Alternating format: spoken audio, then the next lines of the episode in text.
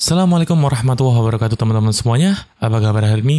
Semoga senantiasa diberi kesehatan dan kelancaran. Oke, hari ini aku akan bahas sesuatu yang sangat penting. Jadi ini mengenai sejarah manusia dan setan dan apa hubungannya. Manusia hidup di dunia ini tidak sendirian, melainkan juga berdampingan dengan makhluk yang lainnya. Tak hanya dengan makhluk yang kasat mata, namun juga dengan makhluk yang tak kasat mata. Sebagai contoh, hewan dan tumbuhan merupakan golongan makhluk yang kasat mata. Namun, tahukah teman-teman semua, siapakah makhluk yang tak kasat mata tersebut?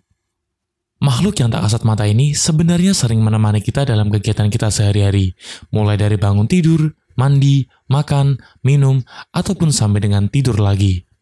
Hanya saja kita tidak menyadari keberadaannya. Di antara makhluk yang demikian itu, tidak jarang juga di antara mereka yang hobi mengganggu kita. Mereka senantiasa merayu dan membujuk kita agar terjerumus ke dalam jalan yang salah. Bahkan, ada beberapa manusia yang meminta tolong kepada mereka untuk melakukan hal-hal yang bersifat duniawi saja. Dan ini sangat tercela ataupun hina. Hal ini sebenarnya sudah dilarang oleh Allah Subhanahu wa taala. Namun, tetap saja manusia bandel untuk melakukannya. Lalu, siapakah makhluk tersebut dan dari mana asal-usulnya?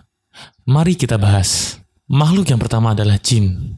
Selain manusia dan malaikat, Allah Subhanahu wa taala juga menciptakan makhluk yang disebut dengan jin. Jin termasuk ke dalam makhluk tak kasat mata. Ada persamaan sifat antara jin dan manusia, yaitu mereka sama-sama mempunyai pikiran sehingga mereka mampu membedakan kebaikan dan keburukan. Manusia dan jin diciptakan oleh Allah taala memiliki tujuan yang sama. Mereka diperintahkan untuk melaksanakan berbagai perintah Allah taala dan menjauhi larangannya. Barang siapa yang taat kepada Allah Subhanahu wa taala, maka Allah akan ridho terhadapnya dan memasukkannya ke surga. Pun sebaliknya, barang siapa yang telah durhaka dan membangkang terhadap perintah Allah, maka dia akan masuk neraka.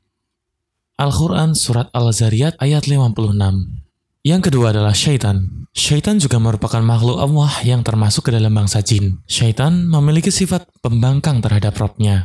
Pada awalnya, setan juga menyembah Allah dan juga tinggal di langit bersama malaikat. Namun, syaitan membangkang terhadap perintah Allah yaitu untuk sujud kepada Nabi Adam alaihissalam. Hal itu didasari karena munculnya rasa sombong dalam diri setan, yaitu merasa lebih tinggi dan juga iri. Al-Quran Surat Sot ayat 76 Yang ketiga adalah Iblis. Siapakah Iblis itu? Iblis juga merupakan makhluk Allah yang berasal dari bangsa jin. Al-Quran Surat Al-Kahfi ayat 50 Iblis adalah nama salah satu jin yang menjadi gembongnya para pembangkang. Setan telah melampaui batas dan pembangkang terhadap robnya. Jadi, makhluk ini sebenarnya telah putus asa dari Allah. Maka Allah menyebutnya dengan iblis. Sebab balasa dalam bahasa Arab berarti orang yang tidak memiliki kebaikan sama sekali. Sedangkan ublisa berarti putus asa dan pusing. Jadi bisa dibilang bahwa iblis adalah dedengkotnya syaitan. Syaitan dari syaitannya syaitan. Kini kita akan membahas sebab permusuhan antara manusia dan syaitan. Permusuhan antara syaitan dan manusia sudah terjadi beribu-ribu tahun yang lalu. Hal ini terjadi ketika Allah SWT menciptakan Nabi Adam alaihissalam. Pada saat itu, Allah memerintahkan kepada malaikat dan iblis untuk sujud kepada Nabi Adam. Namun, iblis merasa dirinya lebih tinggi, sehingga sifat iri pun muncul. Ia enggan sujud kepada Nabi Adam alaihissalam dan membangkang perintah Allah SWT. Ia berkata, Al-Quran Surat Syad ayat 76 karena kesombongannya, Allah mengusir setan dari surga yang kekal. Setan mendapatkan janji dari Allah bahwa ia akan dibiarkan hidup hingga hari kiamat.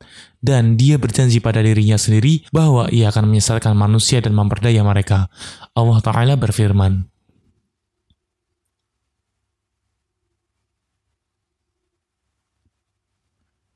Al-Quran Surat Al-A'raf ayat 14-16 Begitulah yang menjadi awal permusuhan antara manusia dan syaitan. Sifat iri dan dengki membuat syaitan harus jatuh ke dalam kehidupan yang hina.